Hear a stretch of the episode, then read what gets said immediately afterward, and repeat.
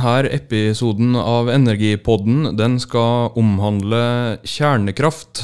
Det er et tema som virker mer og mer populært. Og med meg i denne podkasten har jeg Jonas Kristiansen Nøland. Han er førsteamanuensis på NTNU for, på Institutt for elektrisk energi. God dag, Jonas. Hei, hei. Takk for at du hadde lyst til å stille opp i dagens episode. Ja, er, takk for interessen for uh, dette temaet, da. Det er jo et tema som er i vinden. um, hva er kjernekraft for noe, egentlig?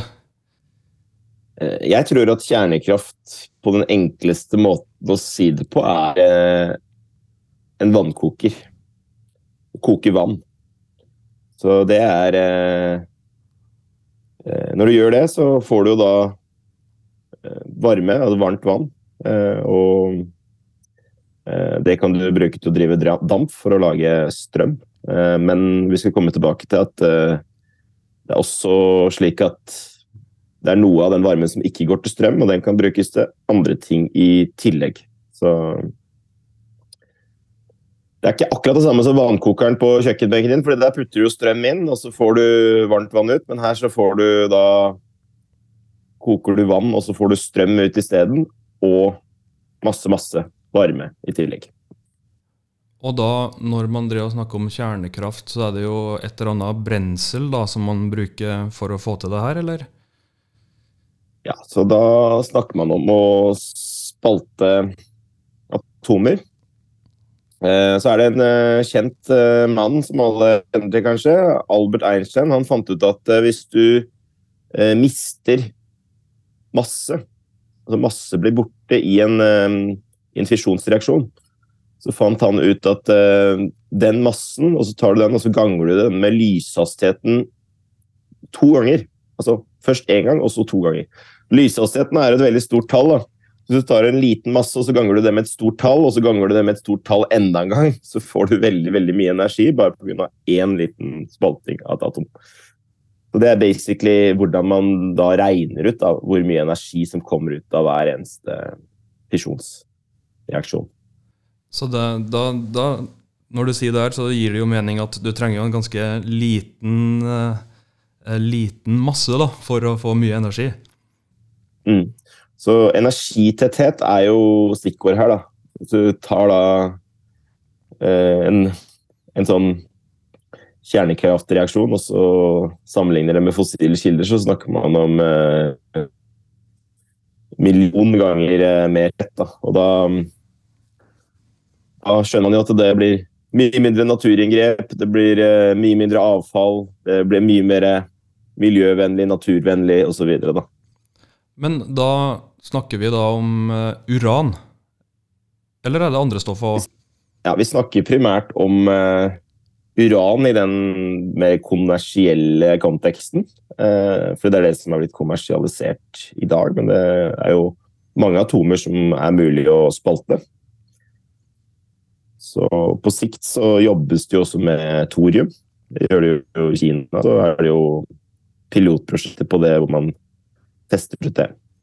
Ja, og thorium det hadde jo vært snakka om ganske lenge i Norge at det altså hadde ganske store ressurser av òg, men det har liksom ikke tatt av. Nei, det var jo et prosjekt uh, for noen år tilbake som prøvde å, um, å lisensiere um, et sånt thoriumbrensel i Halden-reaktoren. Men det blei jo da Altså, den Halden-reaktorprosjektet ble jo skrinlagt uh, ett år uh, for tidlig da, i forhold til det thoriumprosjektet, så det var veldig, veldig synd da, at Erna Solberg gjorde det akkurat da hun gjorde det.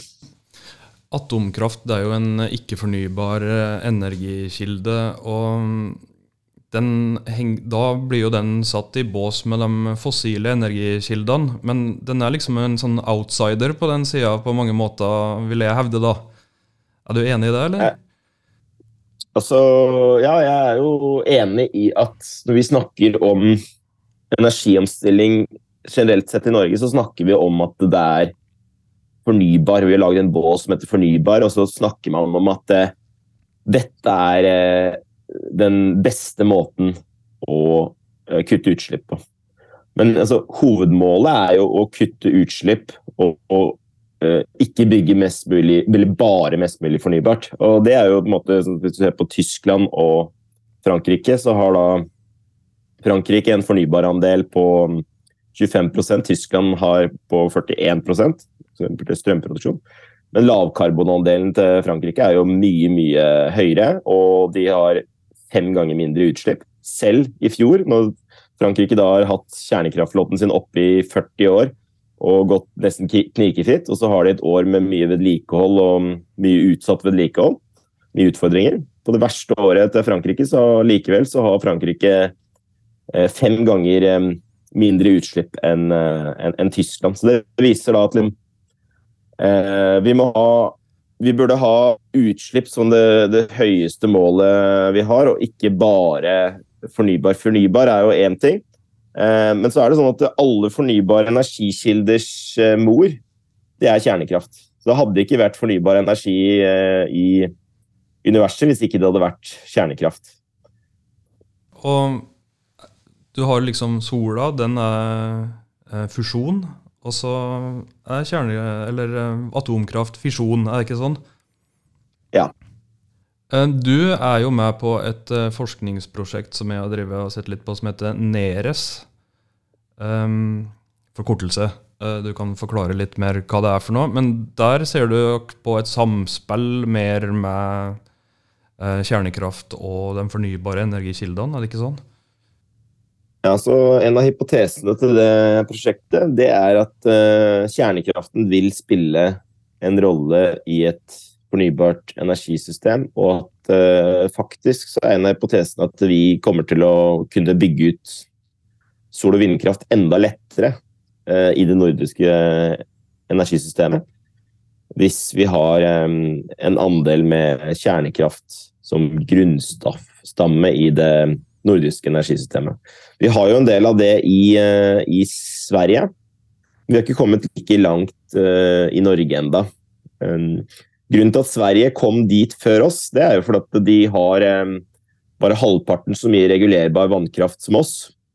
Så for å kunne få brukt den uh, vannkraften deres eh, mest mulig um, effektivt, så, så har de måttet ha en, eh, en base med kjernekraft i bånn, slik at de kan spille på vannkraften i, i topplasten da, av eh, av strømnettet sist. Mens i Norge så har vi på en måte brukt både vannkraften til eh, grunnforbruket, men også på topplasten.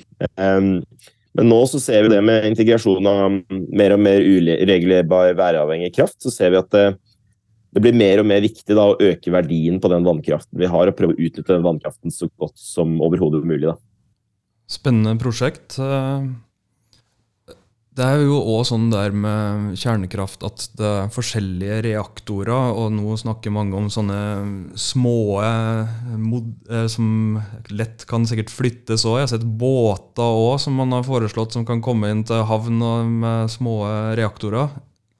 Hva er forskjellene, og hva er som er mest aktuelt å se for seg å ha i Norge? Eh, ja, det er, eh, det er små modulære reaktorer som, som tar av i i samfunnsdebatten for tida. Og, og, da er det to typer generasjoner av det. Du har det som kalles for generasjon 3 pluss. Det er sånn eh, lettvannsreaktor, eksisterende teknologi. Så har du disse mer, litt mer revolusjonerende teknologiene på fjerde generasjons eh, kjernekraft. Um, når det kommer til tredje generasjons kjernekraft, så er jo det egentlig eksisterende teknologi, så det er, ikke, det er velprøvd teknologi. Um, og vi har hatt små reaktorer eh, tidligere på den størrelsen der. Uh, så det eneste forskjellen her nå, det er at du har tatt og lagd en fabrikkeringsløsning uh, av disse reaktorene.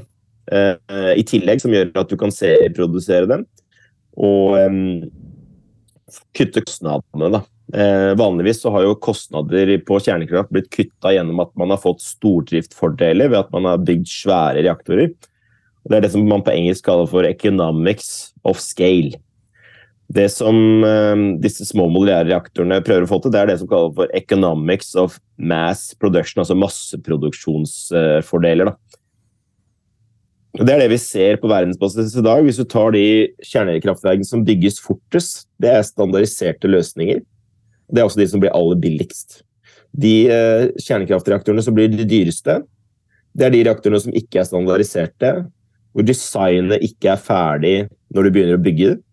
Du, at, du, at du bygger det på stedet der reaktoren skal være.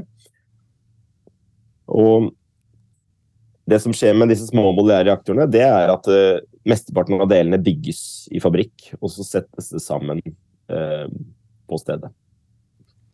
Det høres jo, høres jo, ut som litt sånn når man bygger hus i dag, da. At uh, du har sånn ferdig fabrikkerte først, og så settes det opp. Og sånn er det vel her òg. Men når en da snakker om sånn tidsperspektiv, så har jeg ofte sett i debatter sånn at uh, kjernekraft i Norge, hvis vi skal få til det, så er det sånn minst ti år fram i tid. Og så har vi noen mål innen 2030. Um, hvor fort går det an å få opp noe sånt, egentlig? Så Hvis du ser på da flertallet av kjernekraftreaktorer i verden i dag, uh, så bygges de på under 7,5 år. Um, det som ofte bringes opp i debatten, det er på en måte sånne spesialdesigna reaktorer som er skreddersydd og aldri blitt bygd før. Um, og da kan du jo se for deg at eh, ja, egentlig uansett hva du bygger, da, så, så, vil jo det ta tid og bli dyrt. Det er, det er, ikke noe sånt som er spesielt for kjernekraft, men det er spesielt at det er noe som fremheves for kjernekraft. da. Og en snakker om at det er dyrt. Um, er det liksom en av de største ulempene med kjernekraft? Jeg vil jo si at uh, det blir dyrt egentlig uansett hvilken energiløsning du bygger ut. Og hvis du bygger det eh, for første gang, og du ikke har en standardløsning, så, så blir det dyrt egentlig uansett hva du bygger.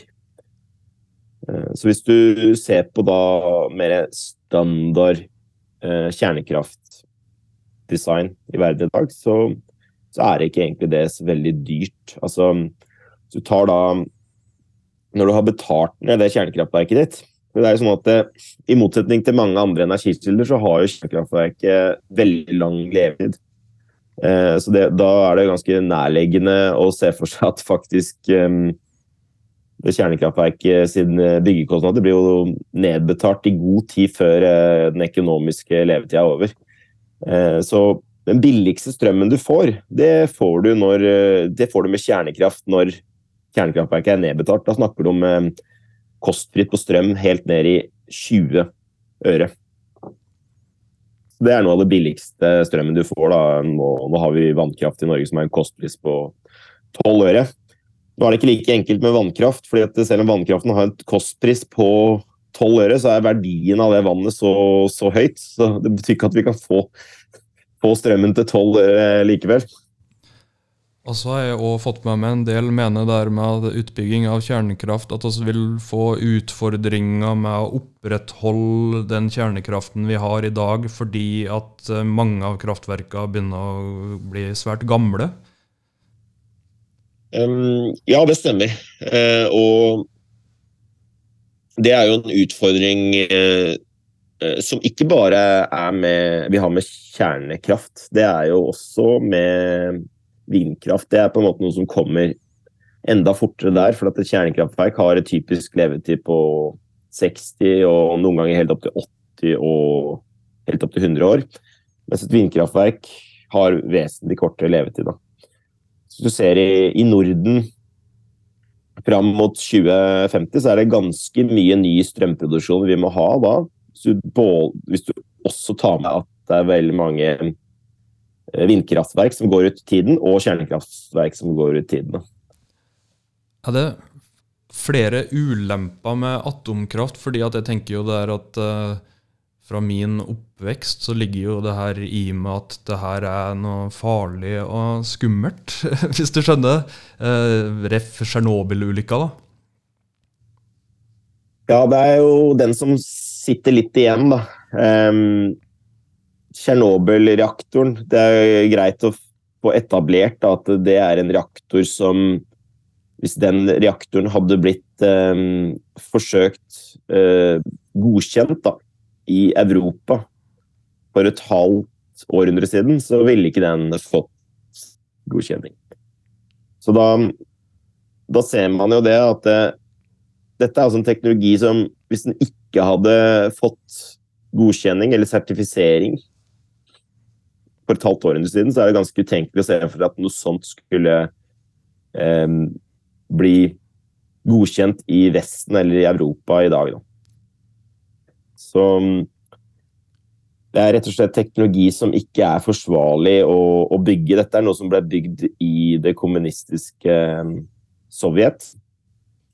Og ja. Det er på en måte ehm, Det er noen som lurer på om liksom en Tsjernobyl-katastrofe kan skje igjen, og det er rett og slett at det er ikke fysisk mulig at det kan skje.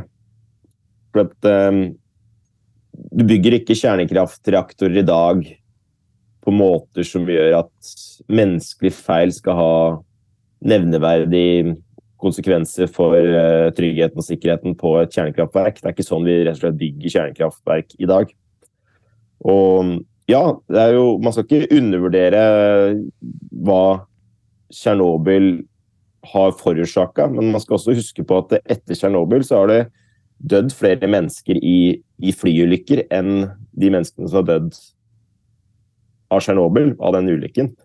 Så vi slutter ikke å fly i dag heller. Og så er det sånn at ja, med fly, flyteknologi, da, altså det å fly det er kanskje noe av det tryggeste du gjør i dag mye tryggere å fly enn å gå ut døra. Og, eh, men, men, man skal jo ikke kimse av at eh, de første flyene var jo ikke trygge likevel, selv om det å fly i dag er noe av det tryggeste, tryggeste du gjør. Du ser på statistikken på kjernekraftverk i dag, så er, eh, har kjernekraft den laveste dødelighetsraten sammen med sol- og vindkraft. Og så kommer da EUs vitenskapspanel de kommer ut med en rapport for et par år tilbake som eh, viser at med moderne kjernekraft så er, har man da altså den tryggeste energiløsningen av alle. Jeg har vel lest noe sånt som at kjernekraft er den um, energikilden som har forårsaka desidert eh, minst død. Og i forbindelse med litt research inn til denne episoden her, da, så fant jo jeg ut at uh, Norge som den superkraftnasjonen også er, og så var jo òg noen av de første som var ute med kjernekraft, faktisk, eh, allerede i 1951. Og da brukte Norge tre år, fra 1948 til 1951, på å få opp uh, kjernekraft. Det er jo ganske utrolig. Det er ikke alle som er eh, klar over at eh, vi i Norge var en av spydspissene i kappløpet om kjernekraft. Ehm, men ja, vi har en historie, vi òg, bak oss. Og det var jo oljen som til slutt gjorde at vi skifta en del fokus, da. Og så var det vel sånn at jo... Eh, mye av den eh, kunnskapen som òg ble overført til olja, den har vi ikke nødvendigvis hatt hvis vi ikke har òg forska på kjernekraft, sånn som jeg har forstått det. Sånn at det har jo kommet mange andre goder ut av det uten at vi har brukt det til noe annet enn forskning i Norge. Ja, Det er jo også veldig interessant når du ser på da, disse to reaktorene vi har hatt i Norge, og sett på all den forskningsaktiviteten og all den innovasjonen som det har generert. Så er det ganske enormt med verdier de uh, innovasjonene har stått for. Så det er jo viktig også side av kjernekraften, at den har veldig, veldig mange fordeler. Uh, du kan også ta, ta lege, legemiddelindustrien med Eh, radioaktive materialer, tilgang på det. og det er, eh, det er mange fordeler av å ha aktivitet på, på, kjernekraft som går langt utover bare det med, det med, energi. Et spørsmål som jeg lurer på. Jeg hadde Hans Olav Hygen som gjest her eh, tidligere og snakka om vær og klima. Og da kom vi oss inn på det her med at vanndamp er den hissigste klimagassen. Og når jeg ser på sånne svære um, kjernekraftverk, da, så ser det ut som det kommer enorme mengder med vanndamp opp av de pipene der. Vil det der ha noen påvirkning på klimaet, eller er det snakk om egentlig så små mengder at det ikke er noe i det hele tatt? Så ja, vanndamp eh, det er også noe som er eh, relevant også mm, innenfor, det, innenfor luftfart. Da. Eh, for at når du slipper ut vanndamp høyt opp i atmosfæren, så har det faktisk en, en relativt stor, stor klimaeffekt. Når det kommer til kjernekraft, så er det ikke regna inn at kjernekraft har noe nevneverdig negativ klimaeffekt på, på disse kjøletårna. Og så er det jo heller ikke mm, Og det har jo med at man slipper ut denne dampen ganske langt ned i atmosfæren. Som gjør at uh, klimaeffekten er uh, neglisjerbar. Men uh, så er det jo sånn at kjernekraft i dag Det er ikke alle kjernekraftverk som bygges likt heller. Så det er noen kjernekraftverk som har hvor disse kjøletårna blir veldig, veldig synlige, Da. Eh, det er viktig å vite om at den, noen av de best utnytta kjernekraftverkene, det er jo de som eh, utnytter både strøm og varme samtidig. Eh, et eksempel er jo De forente arabiske emirater, som har skjønt det at det blir veldig, veldig dyrt å produsere strøm med olje og gass. Så de har valgt da å heller selge mer olje og gass ut av landet, og så bruke kjernekraft til strømproduksjon. For kjernekraft til strømproduksjon det er noe som gjør at du får lave strømpriser. fordi at kjernekraften har en veldig lav marginalpris. Jeg snakka om i stad med 20 øre er kostprisen for å drifte da anlegget og brensel og alt, alt i ett. da. Så Det er med å presse strømprisen ned. Så Det har de gjort da helt og det er litt interessant at de har gjort det helt uten å egentlig ha noe aktiv klimapolitikk. Så har de begynt å kutte utslipp i, i strømproduksjonen sin. Og i tillegg da, så bruker de varmen på disse kjernekraftverkene de har bygd nå. På, de starta å bygge det første i 2012, 2013, 2014, 2015. Og alle disse er bygd på relativt kort tid, på relativt små kostnader. Det fjerde kjernekraftverket var 60% billigere enn det første. og Det viser jo at hvis du først begynner å rulle ut kjernekraften, da, så blir det ganske, ganske, billig, fordi du begynner å gjøre de samme tingene på nytt og på nytt og på nytt.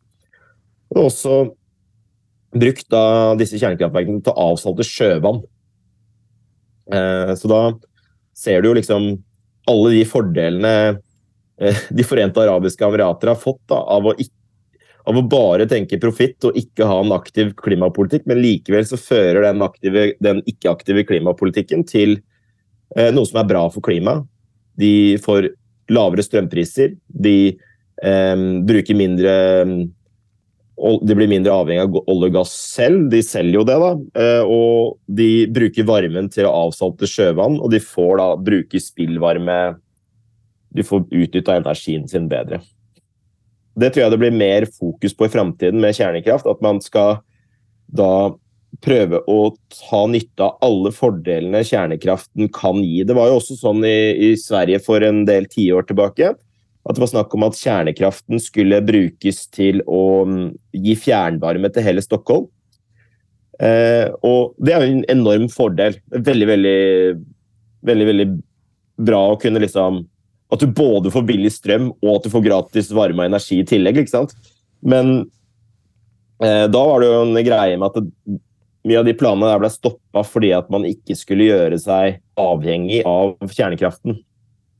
Det er rett og slett politiske hindringer da, som har vært med å hindre den mer bærekraftige bruken av, av, kjernekraft. Så jeg håper at vi kan få en ny tid hvor vi prøver å se på kjernekraft som mye mer enn strøm. Ja, det er strøm, men det er mye mer enn det også. Tyskland de eh, hadde jo som mål å stenge ned kjernekraft og kullkrafta. Er det her en sånn forhasta tabbe, da, liksom? At de eh, Politikken har rett og slett uh, trumfa fakta, eller? Ja, altså det er jo en Det er jo et eksempel på, jeg vil si, hvor man da har uh, forblinda seg på at man tror at det å kutte mest mulig utslipp, det er eh, fullstendig ekvivalent med eh, å kun bygge ut sol- og vindkraft. Jeg vil jo da si at sol- og vindkraft er jo to, to verktøy eh, for å kutte utslipp, men, men det å ikke være villig til å bruke alle verktøy for å kutte utslipp, det gjør jo at det blir mye vanskeligere å kutte utslipp. Og Som det er med eh, sol- og vindkraft, så er det gode energisupplementer, men det er altså da væravhengig, uregulerbar kraft. Og Det som skjer med den type utbygginger alene, det er at etter hvert som du får høyere og høyere andel av kun sol- og vindkraft i energisystemet ditt, så blir det vanskeligere å håndtere um, energien. Det vil si at når Tyskland hadde 20 eh, andel med sol- og vindkraft, så tenkte folk å ja, nå har de klart 20% nå blir vel 30% enda enklere. Sannheten var at det blei faktisk vanskeligere. At det, over tid, når du skalerer opp mengden med uh, uregulerbar kraft i kraftsystemet, så blir det faktisk vanskeligere jo høyere prosentandel du kommer opp, opp mot. Og Da er det jo viktig at man prøver å se energisystemet litt mer i sammenheng, og prøve å bygge ut en, en god blanding, en god miks av energiteknologier, sånn at man ikke skal gjøre det vanskeligere å komme på enda høyere, høyere utslippskutt. Da. Og Der er jo på en måte Frankrike og Tyskland et godt eksempel. Da, når du ser på da fornybarandel, og så ser du det opp mot utslipp og de tingene der. da. Ja, Frankrike har ligget på 70% kjernekraft, cirka, ganske stabilt eh, til strømproduksjonen. Cirka. Det ligger sånn rundt i det, det området der, ja. Mm. Så nå er det jo der med det grønne skiftet oss eh, skal inn i, samtidig som vi nå ser ofte debatter rundt det der med verning av natur. Og mm. mange snakker om det grønne skiftet da som fornybare energikilder. De fornybare de er jo mest negative for naturen. Det er det kanskje den mest negative konsekvensen av dem. Så for meg da så høres det jo ut som at atomkraft må inn, da. Uh, ja, det er jo det jeg òg tenker. At det, det, er ikke tvil om at vi må eh, bruke kjernekraft som et verktøy for å få tak i enda mer energi uten at det skal gå altfor eh, mye ut over naturen. Det er faktisk sånn at eh, energiforbruket i verden vokser fortere enn en fornybart. Så hvis vi ikke er villige til å, å snu alle steiner, da, så blir jo denne omstillingen bort fra et fossilt uh, samfunn blir jo beintøff når man da skal så Historisk sett, da, fra 70-80-tallet, så har kjernekraften um, um, verdensrekorden i nyere tid da, i uh, avkarbonisering av, uh, av um, verden. Og det å liksom uh, Å avfeie et verktøy da, som, um, som har den merittlisten da, med veldig, veldig raske utslippskutt på, på, kort tid, det gjør jo omstillingene veldig, veldig vanskelig. Jeg vil jo nesten si at dette er det høres kanskje litt uh, vågalt sagt ut, men jeg vil jo si at det nesten er risikosport i klimakampen. Og, og, og, på en måte holde igjen sånne verktøy som vi har. Men henger det her da fortsatt sammen med Tsjernobyl? At uh, den ulykka har liksom nøra opp i oss sånn at vi er så redd for det her, og at uh, en god del sterke krefter fra bl.a. miljøbevegelsen kanskje har tatt noen feilslutninger her, da? Ja, altså det har nok, eh, det har nok blitt en sånn, eh, en sånn uh, dreining som skjedde der. Hvis du ser på kanskje på 70-tallet, så var det jo ofte biologer og økologer og de med de fagfeltene der. De var ofte veldig for kjernekraft, fordi de så på kjernekraft som en måte å ha næringsutvikling og økonomisk vekst uten at det skulle gå utover naturens tålegrenser. Da. Men så kom det jo da en, et skifte utover 80-tallet og 90-tallet, som gjorde at man eh, Hele det bildet ble, ble snudd, da. Og Så ser du jo igjen i dag da, at plutselig så begynner disse miljøbevegelsene å, å, å snu opp ned på, på synene sine. Ikke alle, men noen av disse tidligere miljøaktivistene begynner å eh, begynner å innse da, at det faktisk så, så er kjernekraften naturens bestevenn. Det er også det um, FNs økonomiske kommisjon for Europa de har jo nylig rapporten nå, hvor de viser at kjernekraften, av alle energiløsninger, så har kjernekraften den laveste negative påvirkningen på økosystemer, altså klima, natur og miljø. Den har den laveste negative påvirkningen på ressursbruk, dvs. Si altså mineraler og materialer osv. Og så har også kjernekraften den laveste negative påvirkningen på menneskelig helse, og til og med inkludert kreft. Og det har med å gjøre at eh, når du koker vann, sant, så, så, har du ikke noe luftforurensning. Du har ikke noe eh, det, har, veldig positive effekter på menneskelig helse. og Det som er beklagelig i Tyskland nå, det er at man ser jo at eh, nedleggingen av eh, kjernekraft i Tyskland siden 2012, da snakker vi om 33 TWh, så er det forskere som har funnet at uh, den nedleggelsen av kjernekraften siden 2012 fører til at uh, eh, 1100 mennesker på verdensbasis dør. Flere mennesker dør av luftforurensning som et resultat av nedleggelse av kjernekraften. Så det er også en ganske sånn en trist, trist uh, sideeffekt av å legge ned kjernekraft, er at uh, for hvert kjernekraftverk som legges ned, så åpnes det kullkraftverk i stedet. Men er det fordi at det er det er, det er oppstartkostnadene òg, da, som gjør det her at det er lettere kanskje å satse på kullkraft, eller er det, rett, eller er det ikke noe med det å gjøre i det hele tatt? Ja, altså, eh, Kullkraft det er noe som lager enorme mengder med luftforurensning. Det er jo millionervis av mennesker som dør hvert år pga. luftforurensning. Så den har den baksiden. Og så får den veldig, veldig dyr strøm. Fordi at uh, kostprisen på, på brenselet ditt er veldig høyt i tillegg til driften. Kjernekraft gir jo billig strøm, men eh, baksiden med kjernekraft er at det tar lang tid å bygge opp. Og det er en stor investeringskostnad å bygge et kjernekraftverk. Det å sette opp et kullkraftverk, det har ikke de samme eh, prosessene, på en måte. Altså, eh, kjernekraftverk er jo, er jo, en veldig regulert industri, ikke sant. Så du kan tenke deg eh, Et stort kullkraftverk produserer like mye avfall på ett år som all kjernekraft har produsert på 70 år. Og det avfallet som eh, kullkraften eh, produserer, det er også radioaktivt. Og det litt av, litt av det ironiske her er jo at uh, ting som er radioaktivt, som er regulert rundt kjernekraft, det er mye tyngre regulert. Faktisk er det sånn at Nationaltheatret i Oslo har mye radioaktivitet. Og hadde Nationaltheatret i Oslo vært et kjernekraftverk, så hadde Nationaltheatret vært stengt ned. Og det samme med et kullkraftverk. Hadde et kullkraftverk um, vært regulert som et kjernekraftverk, så er det ingen kullkraftverk som kunne vært drifta i verden i dag.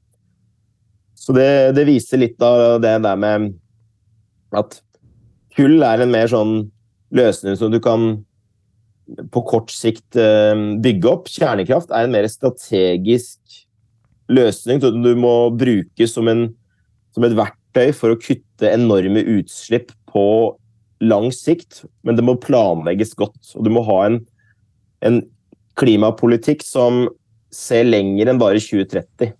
Altså, sånn som det er i Norge i dag, så er det liksom sånn eh, Av klimaløsninger så er det sånn at det kutter utslipp i energisektoren. Det eneste som får lov til å kutte utslipp etter 2030, det er eh, havvind. Ellers så kan vi ikke snakke om løsninger etter 2030.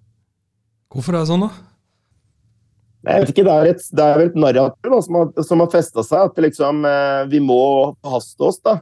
Og vi må liksom Vi må eh, pushe gjennom eh, kortsiktige, korttenkte løsninger eh, fordi vi tror liksom at eh, det, det vil være best. da.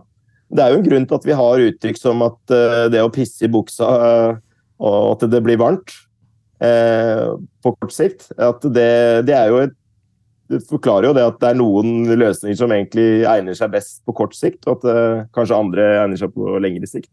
Så jeg er litt mer som prøver å slå et slag for at Norge skal også kutte utslipp i 2035. Norge skal også kutte utslipp i 2040.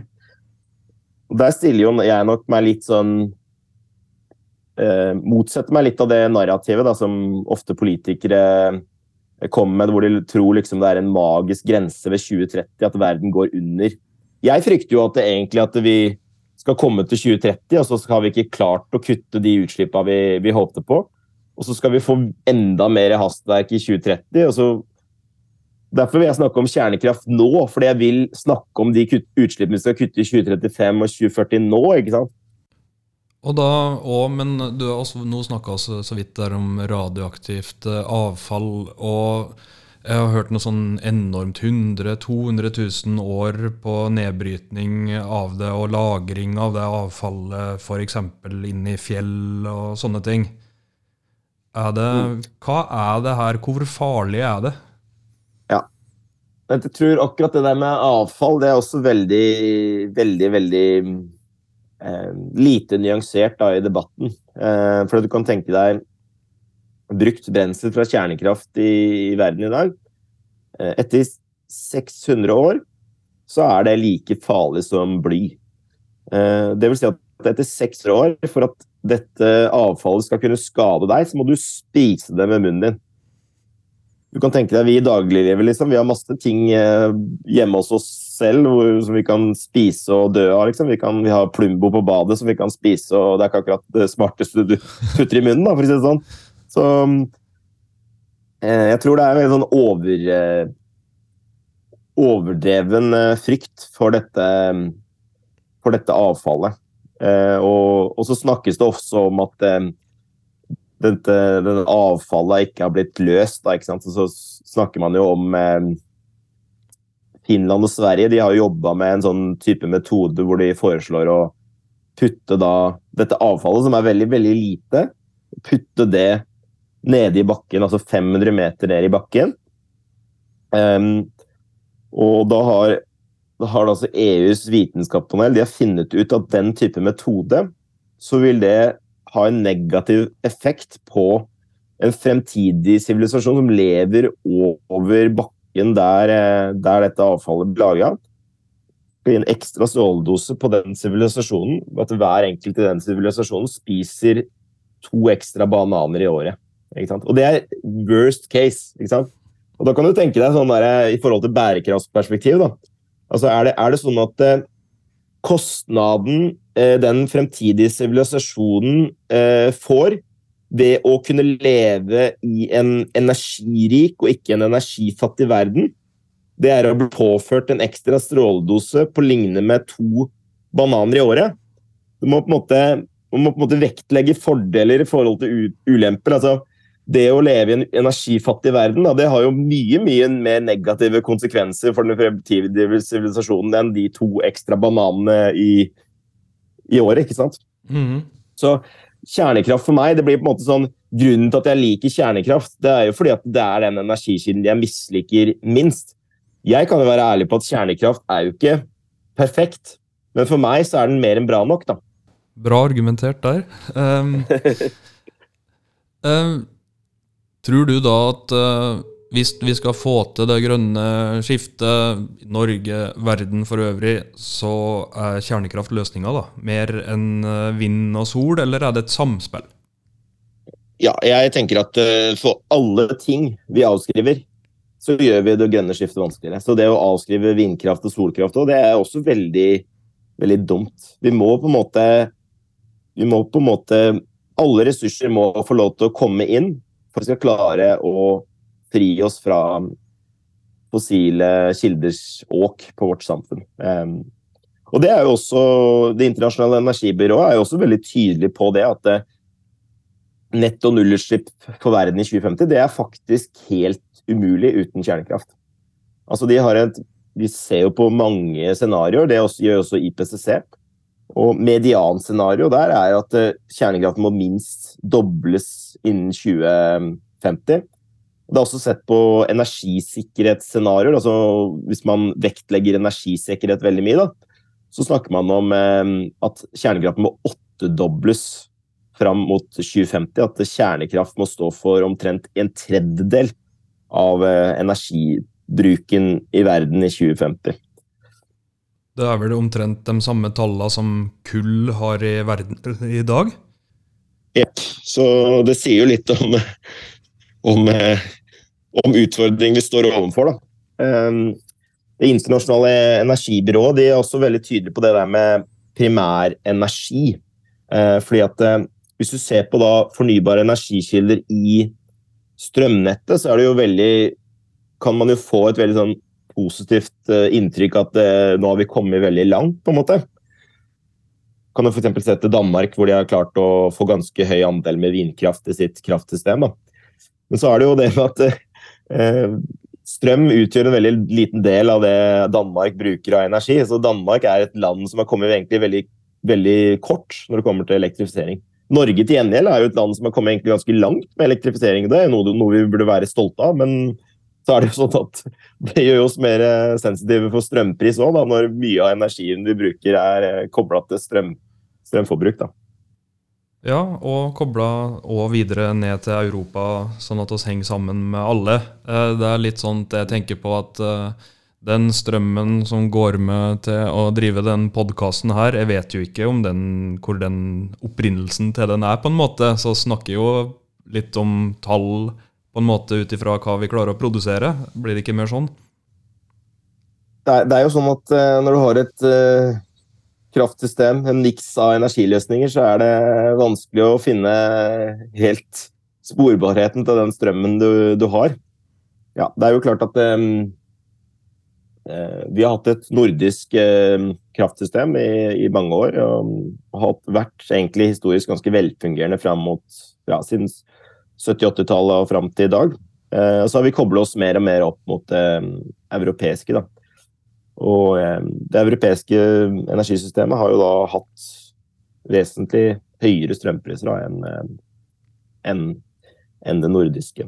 Det nordiske kraftsystemet er jo egentlig ganske genialt, da, hvis du ser på den miksen vi har da, med steder med gode vindressurser. Du har eh, vannkraft i, i nord, Nord-Sverige og i Norge, og, og du har eh, kjernekraft i Sør-Sverige og i Finland. Så du har liksom en en veldig veldig robust eh, energi, energimiks i, i, Norden. Og Det er et av grunnene til at vi har hatt disse lave strømprisene uh, historisk. Uh, og, så jeg håper virkelig at det nordiske Jeg, jeg vil egentlig slå et slag for det nordiske energisamarbeidet.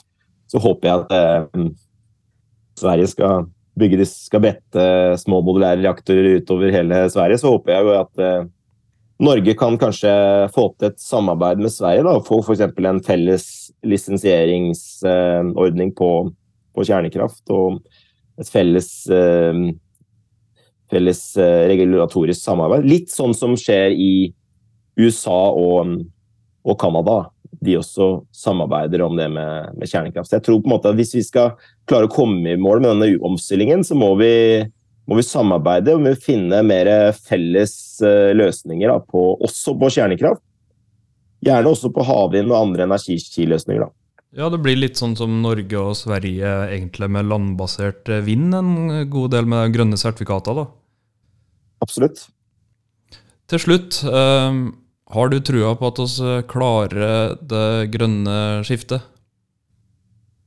Jeg har troa på at vi klarer det grønne skiftet, men uh, jeg, tror ikke, jeg tror ikke at, at vi kommer til å kutte utslipp så det monner før vi innser at vi må ha utslippskutt som vårt øverste mål, og ikke bare å bygge noen utvalgte løsninger. Da.